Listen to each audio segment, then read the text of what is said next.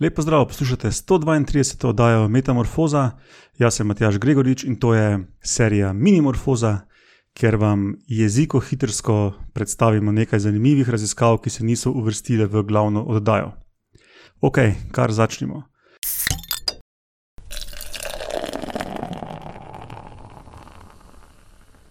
Raziskava ena. Za mnoge živali je von med pomembnejšimi viri informacij o okolju.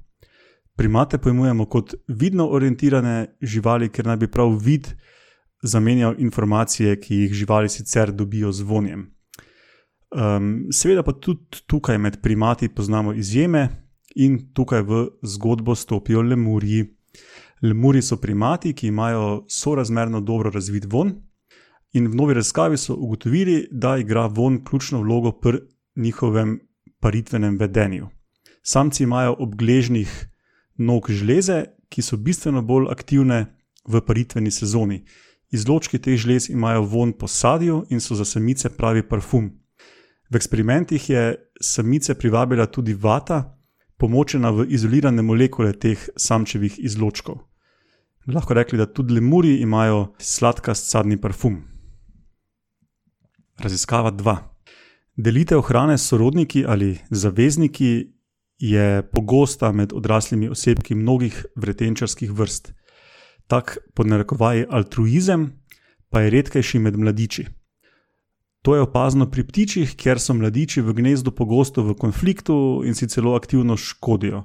Vsi smo že videli kakšne dokumentarce, kjer se brati in sestre v gnezdu borijo za prevlado in se tudi vržejo čez gnezdo ali kaj takšnega. Mladiči pegaste sove pa so drugačni. V gnezdu jih je tudi do devet in so različnih starosti. Starejši in večji mladiči bi lahko mlajše brate in sestre z lahkoto izstradali, če bi enostavno požrli vse, kar starši prenesejo v gnezdo. Vendar se pa to ne zgodi. Mladiči pegaste sove namreč delijo hrano in to ne počnejo na ključno bolj pogosto hrano delijo s tistimi sorojenci, ki so bolj lačni in od katerih je bolj verjetno, da bodo tudi sami deležni kakšnega kosa pogače. Raziskava 3 in raziskava 4 sta povezani. Raziskava 3. Trg ogromnega asteroida Čikulub, ki je pred 66 milijoni let popolnoma spremenil potek življenja na planetu, je vsem dobro znan dogodek. Med drugim je to sprožilo tudi masovno izumiranje na planetu.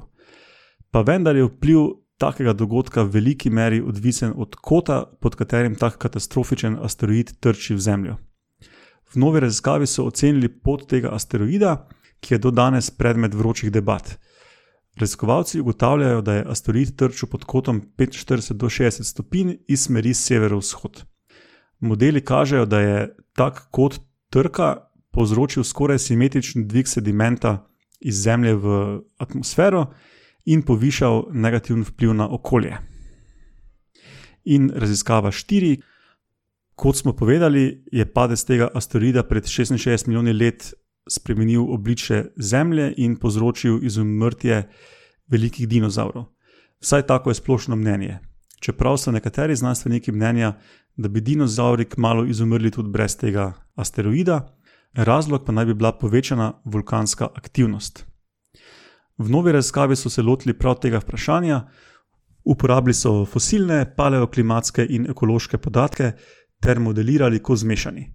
Ugotovili so, da noben modelni scenarij brez padca asteroida ni pripeljal do masovnega izumiranja dinozavrov. Sklep je torej, da je tako veliko izumiranje res povzročil asteroid in ne vulkanska aktivnost. In še raziskava pet. Želva glavata kareta, znanstveno ime Kareta Kareta, je prebivalec mori celega sveta. En sam osebek pa tekom življenja opravlja velike migracije. Seboj na oklepu med temi migracijami želve prenašajo tudi tako imenovane epibionte, to so organizmi, ki živijo na oklepu. Prejšnje raziskave epibiontov iz želvih oklepov so se ukvarjale predvsem z večjimi, na oko vidnimi organizmi. V novi raziskavi pa so podrobno pregledali tudi mikroskopske epibionte. Ugotovili so, da na oklepu ene same želve karete živi povprečno 33 tisoč osebkov živali, klicaj. Vsaj meni se tako zdi, kar osupljivo. Oklepi želv karet so torej pravi pravceti hotspoti biotske pestrosti. Ok, to je to za današnjo minimorfozo. Uh, Metamorfoza gostuje na medijskem mreži Metina Lista. Hvala vsem za uh, komentarje, deljenje, podporo in tako naprej. In se slišimo prihodnjič.